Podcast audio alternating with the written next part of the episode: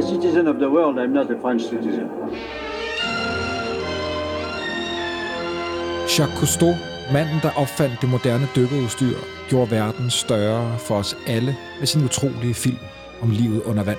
Franskmanden med den krogede næse, som altid var iført sin ikoniske røde tophue, drog ud på mere end 50 dykkerekspeditioner. Med sit eget opfundne lungeapparat, scuba, på ryggen eller i sine egne konstruerede undervandsbåde, dokumenterede han en verden, som kun de færreste havde oplevet. Cousteau, der vandt hele tre Oscars og de gyldne palmer, blev verdensberømt for sine film, og senere i livet blev han en stærk fortaler for, at vi skulle passe på vores planet og advarede verdens politikere om, at havene var syge.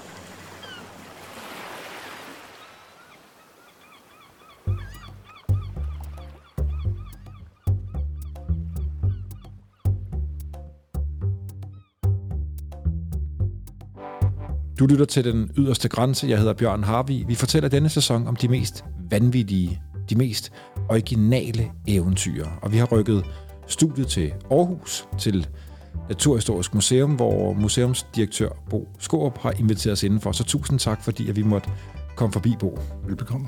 Du er uddannet havbiolog og har gennem mange år arbejdet med naturformidling, både som tv-vært, som hajekspert på Kattegat-centret, udstillingsleder på Aqua Ferskvands Akvarium, formidlingschef i Naturpark Mols Bjerge og nu på Naturhistorisk Museum.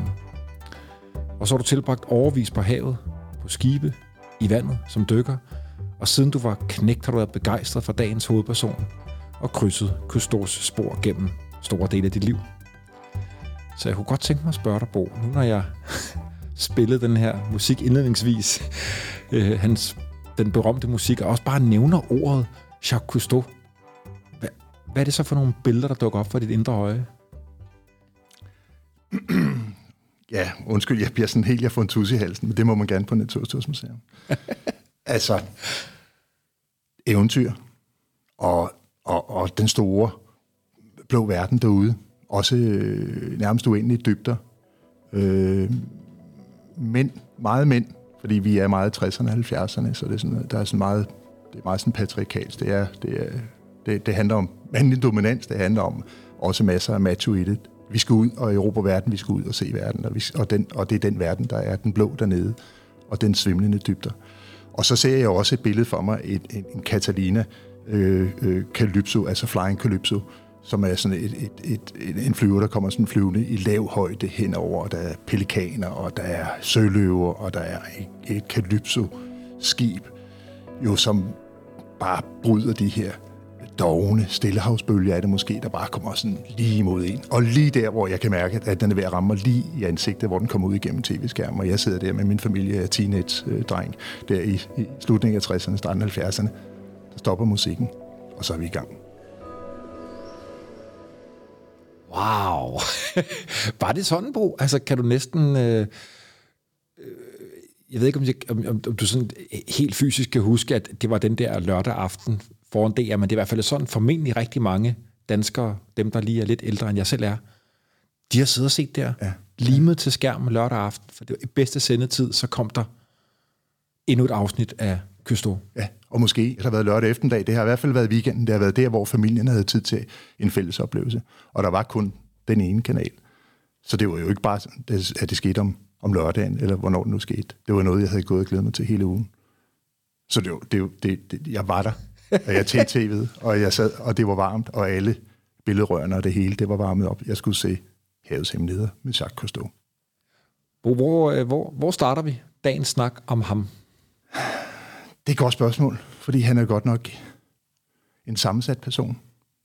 Mm, han bliver jo selv født i 1910, Altså, jeg for 62, så er der jo 52 års aldersforskel. Så jeg tænker i virkeligheden der, hvor han, øh, hvor han rammer mig, øh, øh det er måske der omkring 70. Jeg er måske en, en, en 8-10 år gammel.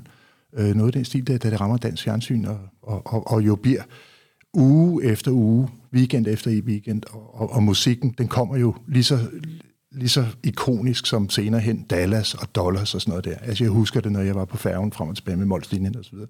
Det var lige for mellem Sjælland og Jylland, at når der var Dallas, eller der var dollars eller et eller andet, så var der slags side, øh, fordi at hvis tv'et var over i styrbåds side, så, så hældte skibet til styrbord, fordi alle skulle se det der. Så Sådan var det også med Jacques Cousteau og havets hemmeligheder. øh, men han, han er jo født i 1910 i, altså i Frankrig, og, og, og har en barndom, som er, er ret turbulent i virkeligheden, fordi han kommer også til USA i en periode, og så tilbage igen til Frankrig. Øhm, og så tænker man, den der scene fyr der, som han sikkert har været. Jeg har ikke sådan lige billede af, hvordan han ser ud som, som knægt, men, men, men fed, fedladen, det har han jo aldrig været. Som du siger, kroget næse, og, og tænker, hold op, a skinny guy.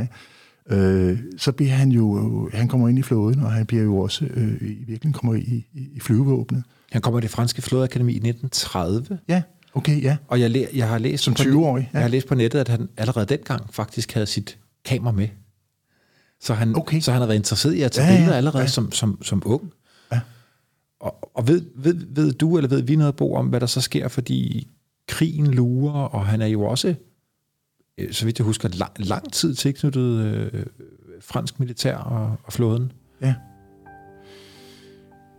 Det kendskab, jeg har til ham, fra det, jeg har læst, og det, jeg ved om Jacques Cousteau, er jo i virkeligheden jo, at øh, jeg tænker, at, at, at det med, med livet i flåden, og, øh, og, og det at blive pilot, hvad han jo bliver, og så videre, det, det er hans fremtid. Øh, men så sker der jo desværre det, at jeg tror, han er 3-24 år, der, der bliver han involveret i et uheld, et biluheld, hvis nok på vej til en god vens bryllup eller noget andet. Øh, og, og, og, og han overlever det, men, men det har livslange konsekvenser for ham. Han kommer aldrig ud at flyve igen. Og det tænker jeg, at han er 24 år, det er i, i, 4, i 34, øhm, eller 33, det er der omkring. Hvad skal sådan en fyr gøre, der jo har et kamera og er nysgerrig på verden, og havde håbet på, at det var hans karriere, og sandsynligvis også øh, ligesom tænkte, det her, det er jo, her åbner verden sig for mig, og så lukker den sig med et, med et biluheld. Det kunne jeg forestille mig, at han har, han har stillet sig selv spørgsmål, hvad så? Jeg kan ikke lade mig sidde og tænke på, når jeg hører det, du, ja. det, det fortæller ja. på, hvor kan man så ellers få den samme fornemmelse af at flyve, som ved at komme ned under vand? Det ved jeg ikke, om man selv har Nej, fortalt det noget er om. nemlig det. Lige præcis. Og jeg tror i virkeligheden, der er en sammenhæng mellem det uheld og genoptræningen. Og lurer mig om ikke, den genoptræning, den har involveret masser af øvelser i vand eller på anden vis osv. Og det er måske i virkeligheden der, hvor han møder sig selv i forhold til sin barndom, fordi barndom er jo i i øvrigt også jo, at han elsker jo at svømme, og han er jo begejstret for, for, for simpelthen altså, at færdes i, i vand som barn. Og, og, og måske er det der, der opstår nogle tanker i hans liv, at øh, så hvad er der så dernede under?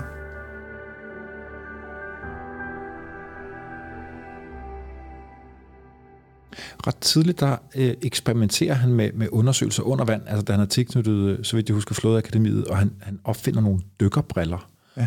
Og så møder han en fyr, der hedder Gagnan, som er ingeniør. Og hvad er det, de arbejder på? Jeg tror, de går og sysler med nogle ting der. Og jeg tænker, de der dykkerbriller, måske er det i virkeligheden jo øh, som pilot, også i flyvåbne, luftvåbne, så har han sandsynligvis også haft, haft briller på. Jamen, er vindmodstanden og andet og så videre, det har sandsynligvis været en, en helt naturlig del af hans træning. Og, og, og det at lege med, så at, at sige, jamen prøv at høre, hvis jeg skal se, hvad der er dernede på den anden side, ikke den blå himmel, men den blå undersøgske verden, så lad os lige prøve at tage et par briller på, og så, og så opstår der jo problem nummer to, det er, hvor længe kan jeg holde vejret? Og hvad nu, hvis jeg kunne holde vejret længere?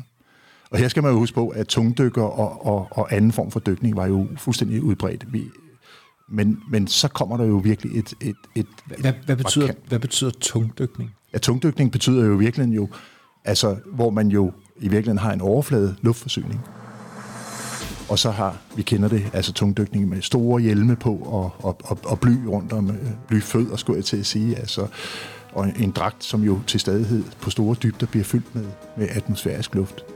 Ja, så er det sådan en ren Tintin-figur, hvor man Ja, ser den der præcis. øh, kuppelskruet på hovedet-agtigt. Ja, nemlig. Og det er jo en rigtig, rigtig gammel dykkerform, som jo har eksisteret i rigtig, rigtig mange år. Men den er jo ekstremt svær. Den er utrolig farlig, fordi hvis den der luftforsyning, den svigter, altså så er, så er man færdig med et. Eller hvis der opstår en utæthed og ting og sager, og sådan noget, så er man bare færdig med det samme. Det ser vi jo også i film rundt omkring, ikke? Også, altså de Blue og, og andre og så videre, altså hvad der sker der. Så på den måde, så er verden er jo tilgængelig fra jordfladen op øh, på, i en flyver og alt muligt andet. Men hvad med det der med at komme under vandets overflade? det er forbeholdt meget, meget, meget få. enten fordi man er perledykker og lever af det, og kan holde vejret ganske længe, men for den almindelige franskmand, eller for den almindelige borger i resten af verden, som jo hele tiden udvikler sig, der er det her jo fuldstændig utilgængeligt. Man aner ikke, hvad der er dernede. Man har aldrig været der. Og det, og, og det er svært at få nogen til at vise billeder, fordi hvem er der egentlig, og hvor dybt er der, og hvem er der dernede? Ja, vi ved, der er fiskene, der er alt det, vi lever af, det vi fisker, men, men, men, men hvordan er deres liv? Det ved vi forfærdeligt lidt om. Og vi er helt henne, faktisk, jo altså omkring 2. verdenskrig. Og så sker der jo altså noget, de to her, Emil der og, øh, og Jacques, de pludselig, jeg tror, det er 43, siger, vi har sådan lige, vi har skulle fundet ud af noget rigtig fedt. Det er, at hvis vi har en, en komprimeret noget luft i en flaske, en stålflaske, og så vi laver sådan nogle trin i virkeligheden, sikrer, at er det 200 atmosfæres tryk, så går det ned på for eksempel 5 atmosfære, og så har vi noget i munden, der lige tager det sidste fra 5 atmosfære, og så ned til det, som vi har brug for, når vi trækker vejret, altså suger luften ud af flasken. Kan det lade sig gøre? Og det synes de har fundet en løsning på. Og dermed, så får de jo åbnet op for en helt, helt ny verden. For alle mennesker i hele verden, der bare er i nærheden af, af sådan et underwater diving, breathing apparatus. Ja, hvad kalder det? En, en, en lungeautomat, eller ja, Ja. scuba. Det er det. Det Den jo- fandtes ikke før Og det 1943. er fuldstændig revolutionerende. Totalt. The Aqua Lung, hed den ikke det? Jo, Ja. lige præcis. Ja. Og det er Emil og Jacques Cousteaus bedrift at lave det. Og det har sandsynligvis været både farligt, og det har nok, der har sikkert været en del prototyper. Men da de lige rammer den lige der bag i, der kan det lade sig gøre. Og pludselig behøver de ikke at have en overflade luftforsyning og tungdykning og alt muligt andet. Men kan altså tage noget på ryggen, kan begive sig ned under vandets overflade, og så se en fisk lige i øjnene og blive der. Bo, ved vi noget om, hvad, hvad, hvad samtiden tænker på det her tidspunkt? Tænker, tænker folk, de er cool skøre, de der to franskmænd? De er geniale? er der andre, der prøver det? Altså, nu spørger jeg bare, fordi tusind øh, spørgsmål dukker op. Ved vi noget om, man er fan det, der det bliver modtaget?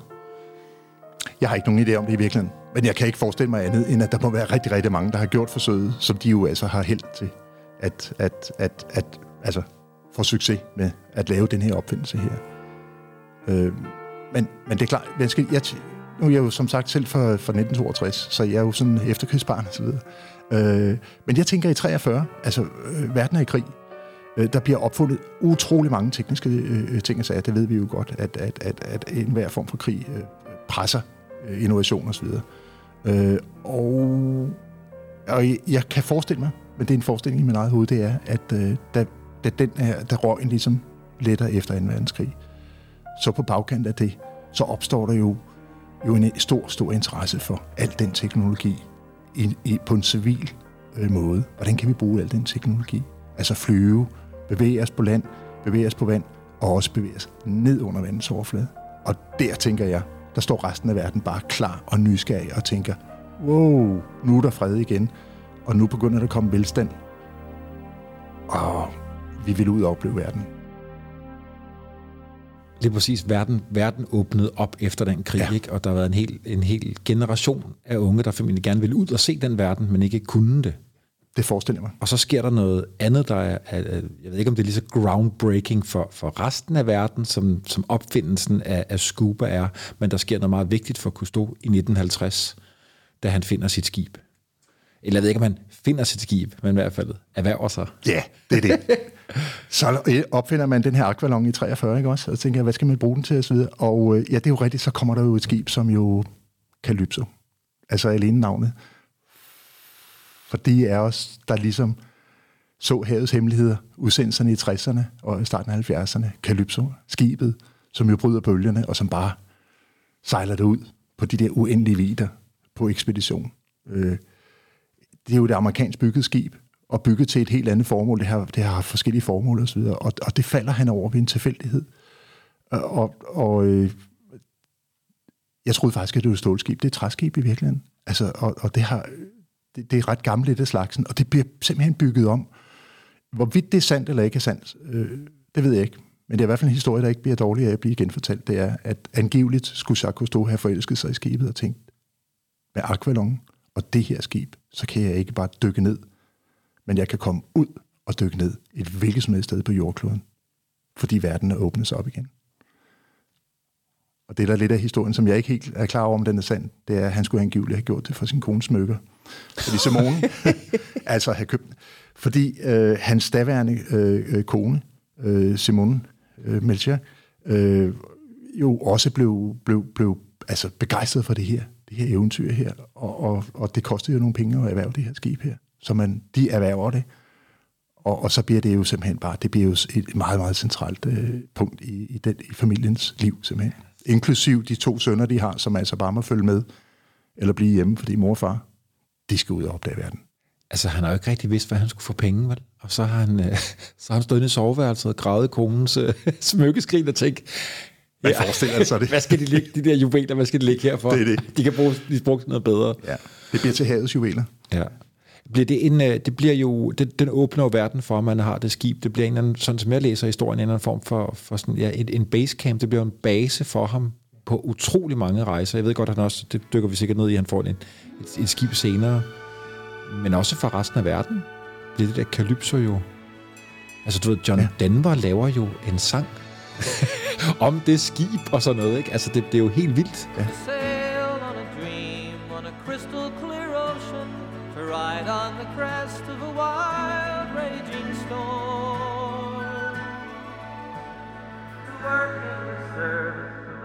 Ja, det bliver sådan, det bliver, det bliver meget ikonisk, ikke? Øh, fordi det her skib her, det har jo, øh, det er ikke fordi det er så forfærdeligt stort i virkeligheden. Øhm, øh, og, det, og, det, og det var jo som sagt heller ikke beregnet på, at det skulle være havforskningsskib og så videre. Så der er masser af ting, som det slet ikke er, er godt til.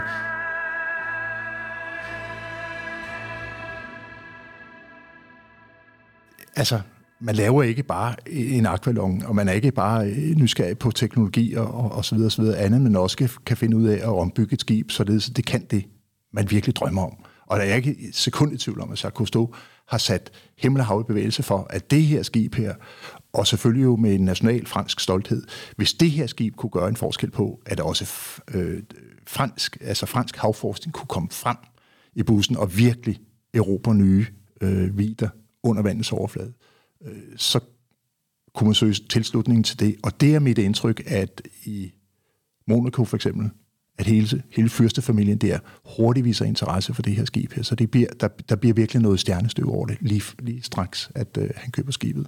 Amerikanerne vil til månen, ikke? Det er vigtigt. So- Sovjet vil til månen. Ja. så, så bliver det en eller anden...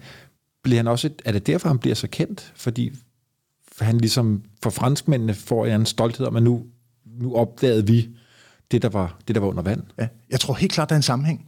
Men altså, jeg ved det ikke, men jeg tror det. Ikke også? Fordi det er jo rigtigt, som du siger, det er, altså, vi har jo, øh, altså, vi får jo månelanding i 69, øh, så vi er i 60'erne igen. Vi er på så god afstand af 2. verdenskrig, og vi er der, hvor consumerism, vi forbruger, vi forbruger. Vi får biler, vi får sommerhus, og vi får velstand, og vi får begynder at charterrejse og ting og sager. Altså alle vil ud, og alle vil, vil, vil alt det gode, der, det fede. Øh, og, og hvad gør man som nation, når man ikke er, er, er førende på rumfarten? Øh, som, ja, og, og hele det, det, det, det, det, det, det, det kapløb, der kører mellem øh, Sovjetunionen og, og USA. Og der tænker jeg helt klart, med den her tradition her, jo, den, øh, den franske flåde og så videre, og det hele den baggrund, som Jacques Cousteau har fra flåden, til lands, til vands og i luften, altså lad os tage det der til vands. Og så skal man også huske på, at Frankrig har jo kolonier rundt omkring i verden. Så på den måde, så er, uanset om man så ligger i fransk Polynesien, så er man på hjemmebane.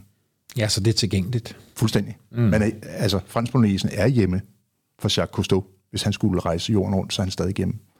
Altså, så på den måde, så er det, det, det er jo det, vi har. Og, det, og, og vi har så store havområder osv. osv. Så lad, lad det være det nye, det, det, den nye erobring.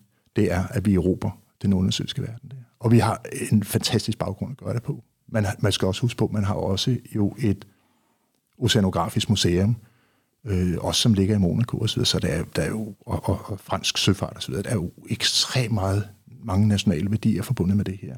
Et museum, vil det sige, som, som du inden vi trykkede fortalte, at han faktisk har været, altså Cousteau har været direktør for. Ja, Det anede jeg ikke. og det er helt tilbage fra 57, det kom faktisk også bag på mig. Og hvor, Og det er længe, jo og hvor længe er han det? Ja, ja, det er han faktisk fra 1957 til 88.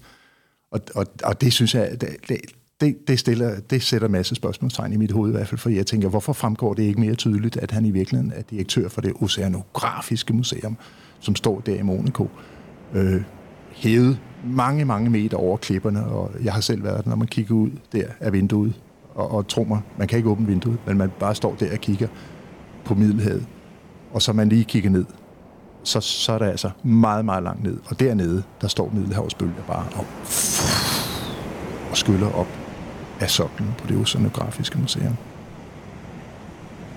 Og du tænker årsagen til, at man ikke har hørt så meget om det, det er, fordi han måske ikke har været så god en direktør, for han har aldrig været der. Jeg kan godt tvivle på, at han har været der det meste af tiden. Men han skulle, jo, han skulle jo ud på ekspeditioner hele tiden. Det er jo i virkeligheden hans, øh, det er jo hans øh, Cape Canaveral, eller sådan noget lignende. Men det er jo, det er jo for, tænker jeg, det har jo, forestiller jeg mig, for en Jacques Cousteau har det været, at han havde institutionen og fyrste dømmet, og, og jo, altså det hele, den der, den franske nation øh, øh bag sig, øh, og så ovenikøbet, om som siger, manifesteret med et oceanografisk museum, som jo er spektakulært, fantastisk sted. Jeg kan kun anbefale at besøge det, hvis man overhovedet er på de kanter, og hvis ikke I er på de kanter, så se jeg komme det. du har selv stået der og spist østers? Jeg har været der til en konference for nogle år siden, en del år siden, hvor jeg sad i et selskab sammen med folk fra hele verden, inklusiv Hewlett Packard, som jo er Packard-familiens øh, datter, der har øh, det, hvad hedder det, øh, Monterey Bay Aquarium, et af verdens største øh, akvarier. Og der sad jeg til en konference, hvor der var jeg tror, der var flere tjenere, end der var også konferencedeltagere. Og tjenerne bar hævet over deres hoveder. Store sølvfade, fyldt med østers fra samtlige oceaner i hele verden. Nej. Så der, der er så meget stjernestøv over det sted. Oh. Og, øh, og, øh, og, og, og når man sidder der i de her rammer her, den fantastiske palæbygning, som er stor, imponerende osv., og, og som sagt, at man sidder der og tænker, jeg for lige en østers, der er champagne, der er sydamerikansk musik derovre, alt det kører. Og så bliver det lige stillet op, ikke?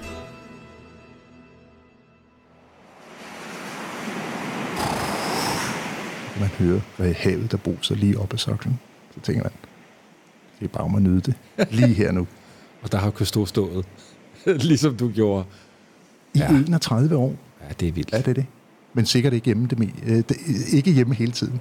Men, men, men det her med, og det kan man jo også se, hvis man går tæt på Jacques Cousteau og kigger på øh, de ting, altså når han igen havde et nyt projekt, så er det ofte noget, hvor at lanceringen af det her projekt, det foregik på det oceanografiske museum.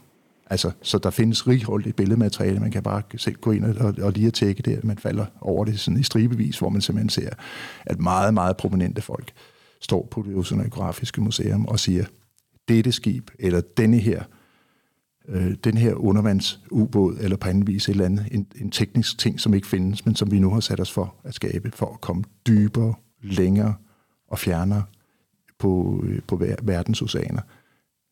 Det er sådan en passende ramme, ligesom at lancere det. Og der er få i de rammer, der siger, nej, det tror jeg ikke på. det tør man sgu ikke. Det tør man ikke. vi skal ud på nogle af de her spændende ja. ekspeditioner, Bo. Hvor, hvor, hvor, hvor synes du, vi skal hen? Jeg sidder og tænker, hvad for nogle af de der ting, jeg har siddet og læst, undervandsbyer, som jeg ikke rigtig ved noget som helst om, og som jeg ikke rigtig ved, hvor kommer fra. Var det noget, som Køsto opfandt? Altså ideen om, at man måske kunne bo ja. på havbunden? Eller var det Jules Verne? Jeg ved det ikke. Nej der er, det er der jo mange, der har tænkt over det her med, hvad nu hvis vi kunne bo på en fjern planet? Hvad nu hvis vi kunne bo øh, på, på dybhavet? Øh, og, og, og, og den tager Jacques Cousteau også. Øh, og, og, og den udfordring, den tager han også. Når vi kommer hen i 60'erne, øh, man skal huske, han er jo sådan nogen og 50 år gammel. Han er måske nok på toppen, altså har udført rigtig, rigtig meget. Han har Calypso, han har, der, der er fuld gang i det og, og, og, og folk kender ham rundt omkring i verden, så er det jo, at han siger, og det kunne man jo forestille sig, var på det oceanografiske museum, at vi skal forsøge på på havets bund. Øh, og det tror jeg, der, der, der tænker jeg, der skal man nok ikke misforstå ham, fordi det der med, at det, at det er der, hvor at en, en befolkning, som bliver større og større, at, at, at, at så er der ligesom nye nye erobringer dernede. Det, det, jeg tror ikke, det er det, der er baggrunden for det, men han er bare så nysgerrig på, hvad sker der, når mennesket bor på havets bund. Og så kommer der nogle projekter, øh, Conself 1, 2 og 3, øh, og de kommer i 60'erne, som i virkeligheden er, og, og der bliver, vi finder svejseapparatet frem og masser af metal og, og, og trykflasker og alt muligt andet, og så laver vi spektakulære lanceringer, også hvor fyrstedømmet og andre er med på ligesom at sige, ud over, øh, det, man kan næsten se det for sig, ligesom astronauten går ind i Apollo, og bliver sendt skudt ud mod månen, øh, så sker der det i Monaco, at, at, at, at, at fyrst, fyrste og, og, og prominente mennesker, sammen med Jacques Cousteau, med en rød hue på, ligesom går ud af en eller anden form for metal, øh, stige ud på et, en konstruktion, og den her konstruktion planlægger man at placere på havets bund, måske i 100 meters dybde. Og disse dykker meget, meget modige mænd alle sammen, for sådan var det i den tid, de skal bo dernede, og så følger vi dem. Og vi kan endda tale med dem undervejs. Og vi kan da også filme det, ikke? fordi de havde opfundet deres egne undervandskamera og så videre, der kunne dokumentere det. Men, så, men, altså, men, det men, er sgu et stunt. Men, men lykkedes det så for dem? Ja, det gør det. Altså, øh, det gør det. De, de slæber jo de her, øh, blandt andet med Calypso og andet, så slæber de de her konstruktioner ud. Og da man øh, havdybden er stået i Middelhavet, så behøver man jo ikke at fjerne så langt fra det. Så både der og også øh, i Rødehavet, der, der prøver man simpelthen at lave de her undersøgelske konstruktioner her, hvor man altså med observatorier og hvor mennesker bor på, på havets bund. Har du nogen anelse om, hvor længe de blev der på? Jeg mener vist nok, at, at, at, at de første handlede vel i virkeligheden om, at man skulle være der cirka en måneds tid. Øh, under hold, tryk. Hold da og, og, og, og, og, og du kan jo godt se det. Altså, det er jo bare øh, flip the coin, skulle jeg til at sige. Det her, det er jo ligesom astronauterne, der kommer ud, og så skal de i karantæne i så så lang tid. Og sådan er det også med de her dykker her. De kommer derned, det tager lang tid, øh, knap så lang tid, men det tager jo lige noget tid at få dem sænket ned. så rigtig lang tid at få dem op igen, selvfølgelig, fordi der skal det komprimeres. Og, og, og, og så og så, og så bliver der filmet og filmet og filmet, og bliver fortalt om det her fantastiske liv dernede, men også om alle farerne. Og vi sidder, resten af verden sidder jo der og bider, bider negle og tænker, overlever det, eller overlever det ikke, og, og, og hvad nu hvis, og så videre. Og, og alt det her er jo bare fuldstændig, altså brænde på bålet, altså wow, det her det er bare spændende, og, og, og vi ved ikke, om det bliver en succes, eller om det bliver en fiasko. Han bliver mere og mere berømt. Det gør han. Ja. Den, jeg er ikke i, i tvivl om, at han har anvendt det meget, meget han bevidst. Han er vanvittigt dygtig til at iscenesætte sig selv og få opmærksomhed på sine projekter. Men man skal også huske på, at, at det her handler jo også om, at folk jo altså, der kan bo på havets i en måned. Øh, det, det, man er jo ude og, og, og, på kanten af dykkertabeller og alt muligt andet. Så hvad er langtidspåvirkninger, lige så vel som hvad er langtidspåvirkninger af at være på en rumstation i vægtløs tilstand i over lang periode? Ingen har prøvet det før? Fuldstændig. Nogen må prøve det, og det kræver jo både mod, og så kræver det også lidt teknik og et godt svejseapparat. Og det gør ikke noget, om man tænder kameraet også og lidt nogle vanvittige characters, hvis man kan sige, hvis man kan sige det sådan. Præcis, og det var han jo vel trods alt kunne stå. Hva, øh, ja, og må jeg lige sige en ting, ja. Børn, også? Jeg, jeg, jeg tror, man skal tænke på i 60'erne, og nu tænker jeg tilbage på mig selv, ikke også? Altså, som sagt, jeg er født i 62. Jeg tænker, at 60'erne er det der med, det er muligt. Altså, der, der, der er den der teknologi og alt muligt andet. Altså, hvis man kan bringe et menneske på månen, så kan man gå død med også sende det dybt ned på, og, og måske bo der. Og, og, og, og det, det er jo det her med, jeg, jeg, jeg, og jeg tænker på det i forhold til min egen barndom og, og et tilbageblik på, på, på, på, på de der 60'erne og 70'erne. Altså, det sprænger rammer for forestillinger om, hvad man kan og hvad man ikke kan. Og det kan godt virke en lille smule, ja, måske tenderende til latterligt i dag, men på det tidspunkt, der, prøv at høre, det er, jo, det er jo på det tidspunkt, hvor du kører igennem landet i Danmark, og så ser du jo stadigvæk folk, der, der, der pløjer med, øh, med, med, med, en heste, med, et heste, øh, med en hest foran. Øh, sådan er det. Og det må man ikke glemme. Så det her har været så teknologisk fjernt og avantgarde i forhold til dagliglivet. Men Bo, på ingen måde det lyder latterligt. I dag sidder vi her 2022, 23 og snakker ja. om, at vi måske skal op og bo på, på månen. altså, så, Præcis. Så, så det har ikke været latterligt dengang at tænke, at man Nej. kunne øh, flytte ned på, på havets bund. Nej. Hvis det var muligt, så skulle nogen prøve det. Jeg, jeg, jeg bider fast i, at du siger, det, at, at ret mange mente, at det kunne være farligt. Hvad er det, man mener, der er farligt? Er det, at man bor der? Altså, kan man klare sig under tryk? Er det også, altså du ved, de film dengang med hejerne, og hejerne var det farligste dyr i verden og sådan noget. Hvad, hvad er det nogle farer, folk har forbundet med at være dernede? Ja. Hvad er det for nogle farer? Det er rigtigt. Altså hejerne er nogle af dem, ikke også? Øh, vi har jo også uh, Jaws. Øh, jeg tror, den kommer i 70'erne, så vidt jeg husker, ikke også? Øh, øh, så, så, så det der med alt det farlige dernede, Øh, det er valer, det, det hajer, det er alt muligt. Øh, selv uskyldige øh, øh, hvad hedder det, mantarokker kaldte vi djævlerokker. Ikke også? Fordi det var jo djævlen selv. Altså, og, og der det, skal lige puttes lidt violinmusik ja, fuldstændig på, også. så bliver det virkelig anspændt. Jeg tror, faren bestod i det her med, at, øh, at kan vide, om de overlever osv., men, men, men, men det er jo også det, at, tænker jeg i hvert fald, at, at nogen havde så meget mod, at de turde sætte livet på spil. En astronaut, der tør at gå ind en raket, der bliver skudt afsted, og som farer igennem luften med, med 30.000 km i timen, øh, kommer de levende hjem? Og kommer de her mennesker, der bor nede på Hedesbund, os levende op igen? Eller går der et eller andet galt?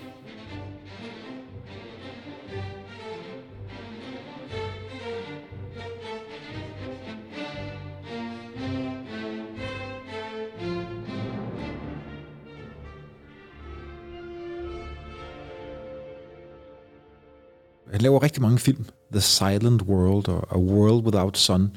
Biograffilm. Folk, der, øh, øh, øh, film, der bliver vinder Oscars. Jeg ved ikke, jeg, jeg har ikke jeg, jeg, jeg ved ikke, om det, jeg siger er rigtigt nu, for jeg, jeg forestiller mig, at han er nogle af de, en af de første, der har lavet en naturdokumentarfilm og vinder en Oscar for det. Jeg ved ikke, om han er den første. Men, Det tror jeg faktisk, han er. Okay. Det tror jeg, ja. Det er helt vildt. Og der skal vi jo spole lidt tilbage. Der er vi jo i, faktisk i 50'erne. 53 og 56 eller noget af den stil der. Altså, øh, så, øh, så det, det, Så det sker faktisk... Så det er før undervands. Ja. Okay. Så, øh, det er jo... Øh, og, og, jeg får et billede, Bjørn, ikke også? Altså, når jeg hører, når jeg hører intromusikken til øh, Havs Hemmeligheder, altså så rejser hårene sig på, på, på min krop, fordi... Den, det vi er- hørte i starten. Lige præcis. Det er bare... Det er tilbage til tv. En kanal. Det er nu, og jeg har glædet mig hele ugen. Og nu kommer eventyret. Øhm, når at jeg tænker på de her film her, øh, så tænker jeg på... Jeg ved ikke, om du kan se det billede for dig. Apropos noget med teknologi og ting, jeg siger, det er altså folk... Det er sådan, du ved, 5 og 10 dykker af gangen. Og så deres, deres, deres, deres flasker, deres dykkerflasker, er sådan indkapslet i sådan en gul beholder.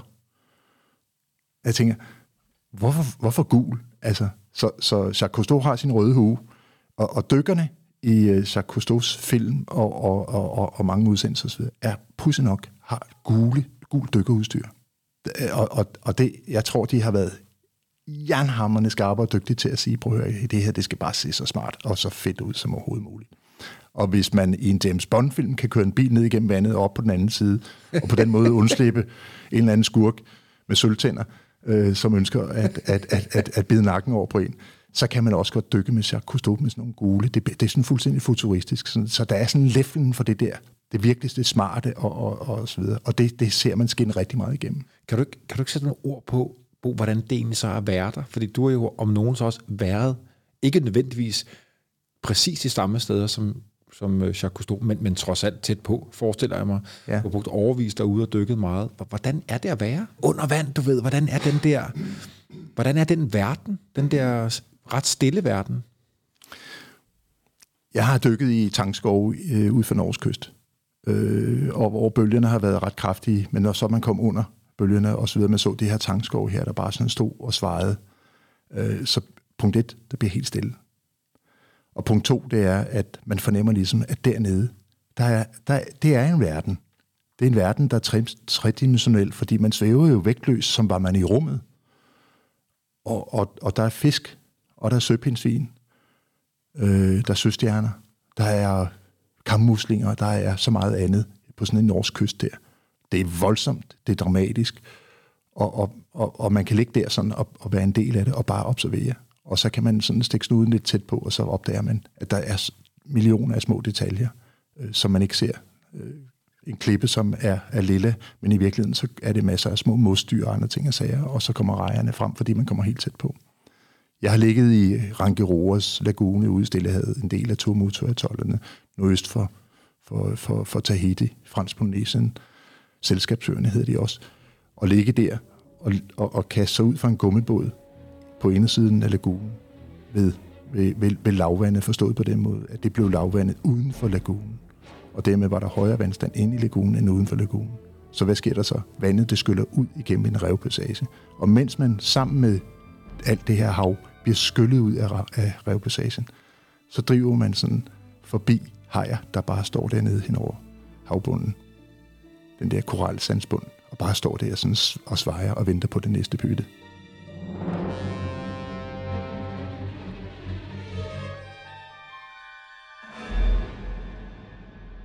Wow. Eller en spansk kyst, ikke så langt fra, faktisk, ikke så langt fra øhm, de franske kyster, som jo så Cousteau virkelig var, var hans hjemmebane, har jeg også været på, ude på et almindeligt dyk, hvor at hvor vi startede i en 5 meters højde på sådan en pinnacle, altså sådan en form for en, en spids, en klippespids.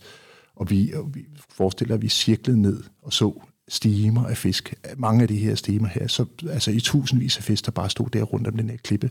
Og pludselig er der en, der prikker mig på skulderen og siger, prøv at høre, kig lige på dit, uh, din, din, din, uh, din dybdemåler. Og så siger den 40 meter, og det var ikke aftalen. Man, man, man bliver suget ind i det her. Det, det, det er fantastisk. Og man, og man glemmer tid og sted, og det skal man passe på med, med dykning.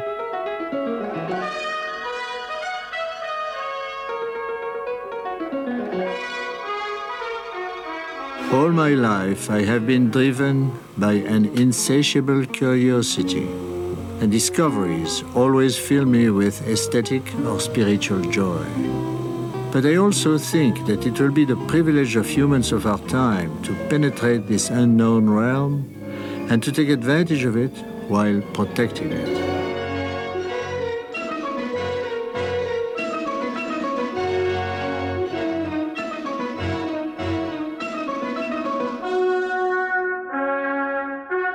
Cousteau, som så også i så mange år laver det her, må jo så også se, at verden desværre ændrer sig. Han bliver jo, øh, bliver jo med årene mere og mere opmærksom på, at, at øh, altså, øh, naturbevarelsen... Er, jeg, jeg, jeg tror ikke, han siger, at havene øh, er ved at dø, men at de i hvert fald får det dårligere med tiden. Hvad er det, hvad er det for noget? Hvad er det for en erkendelse, han får?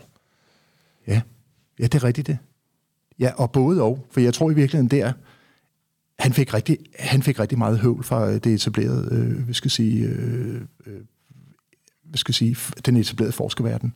Fordi Jacques Cousteau jo på den måde transformerede den her begejstring og glæde og umiddelbar nysgerrighed. Man kan, ja, igen, man kan næsten mærke det i sit eget sådan drengehjerte der, der ved ikke også. Øh, øh, og, og, og det gjorde, han, han, han bragte det jo på film og på serier og alt muligt. Og jeg er sikker på, at der er rigtig, rigtig mange forskere, som sagde, at det her det er jo ikke forskning rigtigt. Altså han omtales jo øh, som en, både en, en fransk flådeofficer, opdagelsesrejsende økolog og forsker. Og det der forsker, hvor meget forsker var han? Det var ikke, han blev ikke accepteret i alle, alle kredse, men han åbnede jo verden for, altså åbnede den undersøgske verden for verdens befolkning. Men på hjemme, altså for forskerne, der var, der var det lige populært nok. Og når det drejer sig om lige præcis omkring det med at være økolog, eller at være forsker, eller både at være opdagelsesrejsende, og, og, og måske i virkeligheden måske var han aktivist eller ej, det tror jeg måske ikke han var men alligevel på nogle punkter, især omkring de franske øh, atomprøvesprængninger, øh, der viste han jo så tænder, og, og, og var faktisk i virkeligheden jo rigtig hård ved, øh, øh, øh ved, ved, ved, ved, ved den, altså, ved, ved den franske præsident, øh, som på det tidspunkt jo om som siger, ønskede at fortsætte de atomprøvesprængninger. Og der, der, der, der viste Jacques Cousteau tænder. Men på andre punkter tror jeg virkelig, at han kom lidt i modvind i forhold til sine sønner, som jo synes, at at, at farmand var lige populær nok. Så det har ikke været nemt at være Jacques Cousteau altid. Hvad betyder det? Betyder det, at han glemte sin familie? Eller han, altså det, også lige for at, at snakke om det kontroversielle med ham. og det, det, det, det, det er der vist flere af. Altså, hvordan, det var jo noget, man havde to, to koner eller to familier. Hvordan var det? Ja, det er rigtigt. Han dør jo i 97, er det sådan? Mener jeg, det er.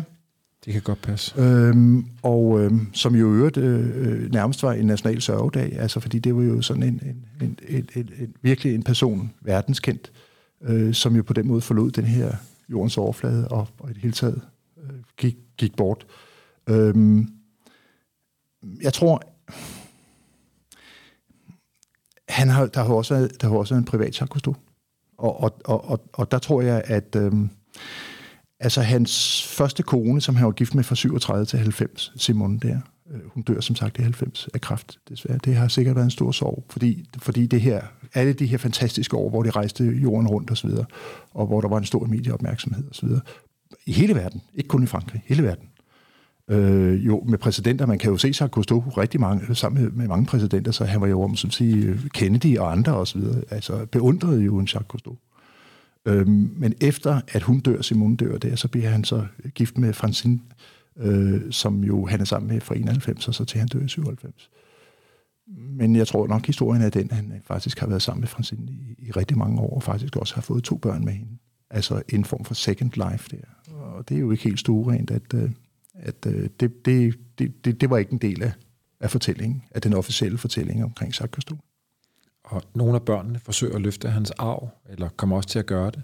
Ja, og på den måde, så kan man sige, at eventyret lever videre, fordi børnene, som jo i den grad sådan, uh, tager den til nye højder, eller dybder, skal vi nok sige her, er jo meget, meget mere miljøbevidste. Og i dag er det jo sådan, at der jo stadigvæk er øh, aktiviteter, masser af aktiviteter, og meget, øh, meget sådan miljø.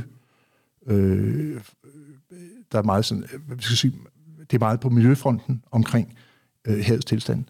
Øh, og, og, og de forskellige, altså societies, skulle jeg til at sige, altså de her selskaber her, det, det er børnene og børnebørn, som ligesom har gjort det til deres livsgærning, at, at, at videreføre arven fra deres far, som muligvis var rigtig populistisk osv., osv. men der var trods alt opnået en stor interesse og en stor anerkendelse for resten af verden. Øh, populistisk, ja, men som fik snakken til at ske hjemme henover øh, den forlorene har og, og den brune sovs også i Danmark i 60'erne.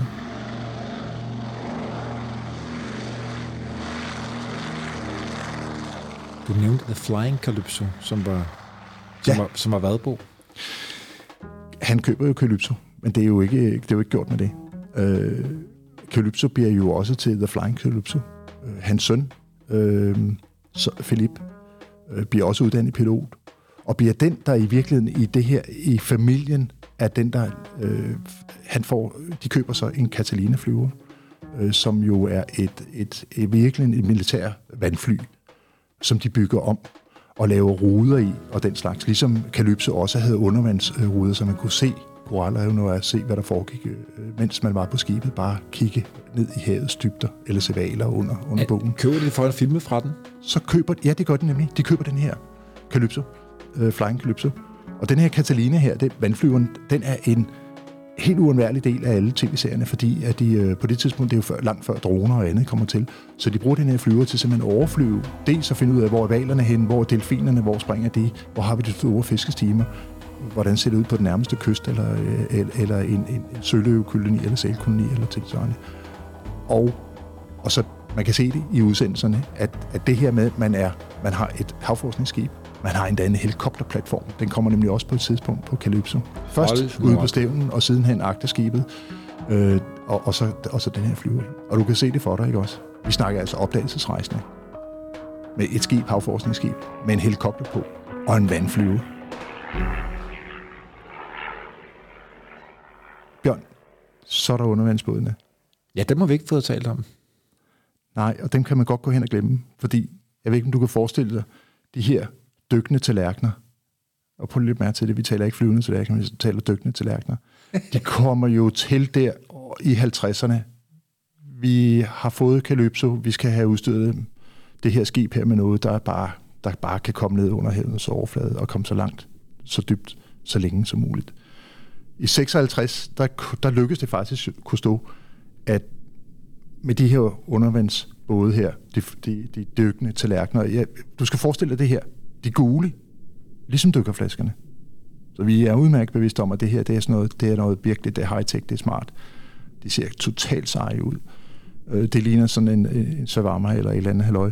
Og så har det sådan to lamper foran, og så kan man se, at der er en masse gear og ting og sager. Og det bliver, det bliver sænket ned af en, fra en kran fra agterdækket af Calypso. Det er ude på de der duende bølger der, et eller andet sted, Stillehavet, Atlanterhavet, whatever.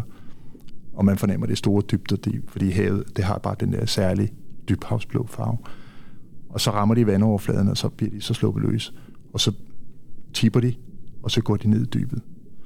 Og man kan næsten forestille sig, at det er nærmest som sådan en efterårsdag, hvor man kører igennem et toget landskab der, og lygterne bare på en eller anden måde, sådan, man kan se disen for sig der, lange eller korte lys. Man kan se noget, men så ved man også, at på den anden side det det noget, så, så fortoner tingene sig. Og sådan fortsætter de her øh, dykkende tallerkener ned 300 meters dybde. Og der er nogen ombord. Og det synes jeg er totalt cool. Der er simpelthen nogen inde i de her dykkende tallerkener her, som altså under kolossalt tryk kan styre dem og kan navigere dem rundt og se, hvad det er for et liv, der er dernede. Det kan være dybhavsorme. Det kan være en dybhavshej.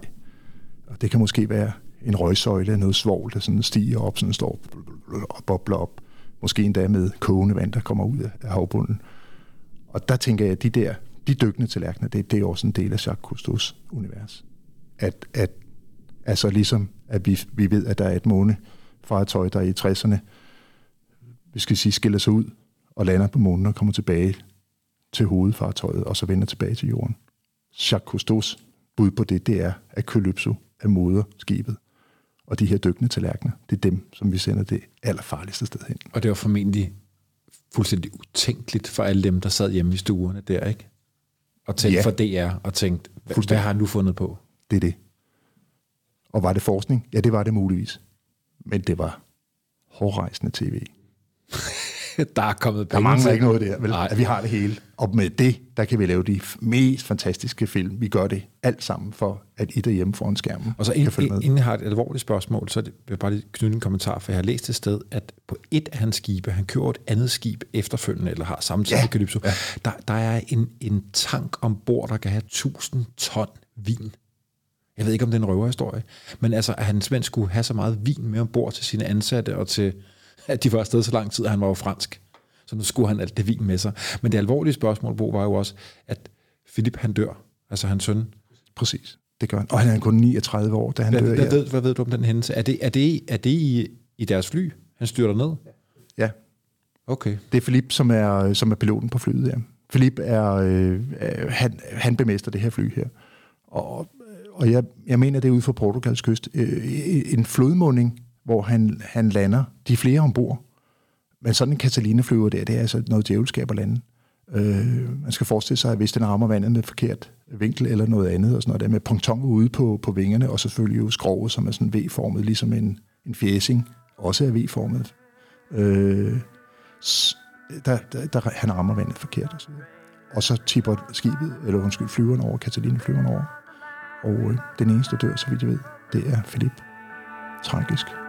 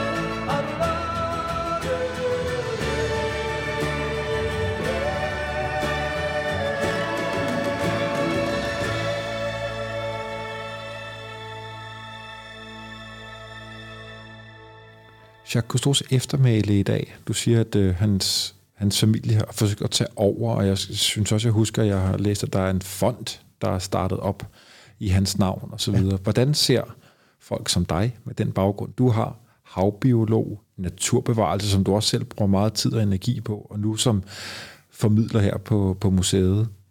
Hvad tænker du og I om ham i dag? Jeg tænker, Hillary stod på toppen af Mount Everest.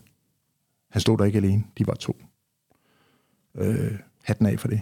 Godt gået. Der har været mange siden. Men han gjorde det, nogen gjorde det. Det måtte kunne lade sig gøre, og det gjorde han. Jeg tænker Thor Heyerdahl, født i en lille bygd i Norge, og, og bliver antropolog, sætter en annonce i visen, og der er en kvinde, der responderer, og sammen tager de ud til Stillehavet i Fransk Polynesien, og bliver derude på Fatuhiva. Fatuhiva i et Fatuhiva, år. præcis, ikke også? Wow. For ligesom at sige, hvad sker der, hvis vi bringer os derud? Og så har vi en Jacques Cousteau, som siger, hvad sker der, hvis øh, jeg nu kan forestille mig, at vi kan bryde den der barriere der, at jeg kan trække vejret under vandets overflade og komme derned og beskrive det, og blive klogere på det, bringe nogle forskere med, men i øvrigt også få åbnet op for en snak om, hvordan, hvordan hænger verden sammen. Og jeg nævner de tre, og der er mange flere, så tænker jeg, der er bare nogen, der bryder grænser. Og det gjorde Jacques Cousteau også helt klart. I sin tid. Tænk, Og- hvor mange, der er blevet inspireret af ham. Ja, præcis. Ikke? Var jeg blevet havbiolog uden Jacques Cousteau? Jeg ved det ikke. Men det, det, det bidrog i hvert fald en del. Og jeg vil sige, jeg kan ikke finde, jeg, jeg kan stadigvæk ikke finde det her, du ved, sådan en bog med klistermærker, men jeg kan godt huske fornemmelsen af, at jeg kørte ind på en selvstation i 60'erne, hvor jeg lige skulle have klistermærket i den her samlebog her, hvor jeg mener, at Jacques Cousteau havde lavet samarbejde med Shell, eller hvad det nu var, ESSO, eller hvad pokker det nu var, et benzinselskab. Øh, og, og på den måde, for en ung dreng som mig, gjorde, at, at kunne, kunne jeg få de her klistermærker, og kunne min bog om havets hemmeligheder. Hvad var det for en bog, den der bog? Den har jeg aldrig hørt om. Nej, men det, jeg, jeg mener, det var sådan. Det, det er, jeg har været meget, meget, meget ung, men det, det betød rigtig meget for mig, at vi drejede ind omkring tankstationen og fik de klistermærker. Var, det- var det billeder af... Ja, ja det var du, du ved, det er jo sådan en bog, du ved, hvor at, at du ved, hvis du tanker for så meget, så får du, så får du lidt klistermærker. Og så sidder der jo altså en knægt om bag, og tænker, damn it, den har jeg, den har jeg. Eller så bliver der råbt, yes, nu fik jeg Ja, lukket det den kender jeg side, fra der er fodbold, fuld plade. fodboldklistermærkerne i Præcis, 80'erne ikke? og 90'erne. Det er Det, det. der. Ja.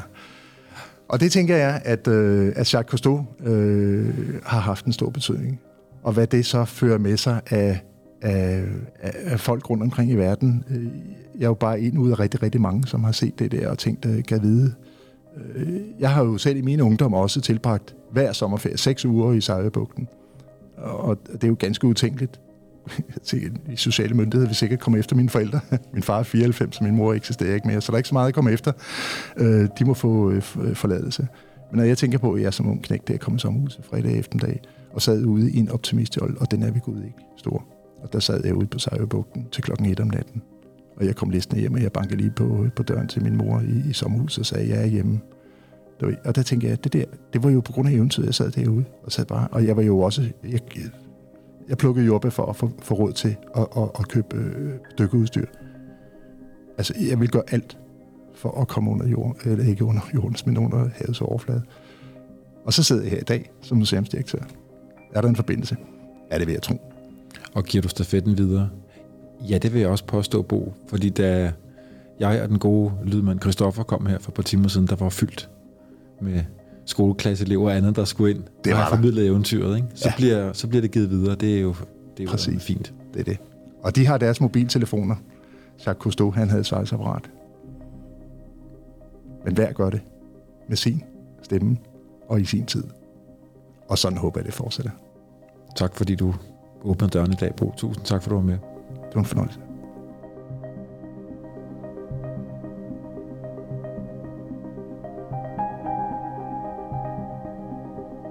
Den yderste grænse er produceret af Jul og Brunse for vores tid og 24-7 med Christoffer Erbo Roland Poulsen som ekspeditionschef på Lyden. En særlig tak til Henrik Ede Lassen og Claus Tause Birkbøl for sparring med historier og kilder. Du kan finde serien og andre spændende historiske podcasts ved at søge på Vores Tid i din podcast-app.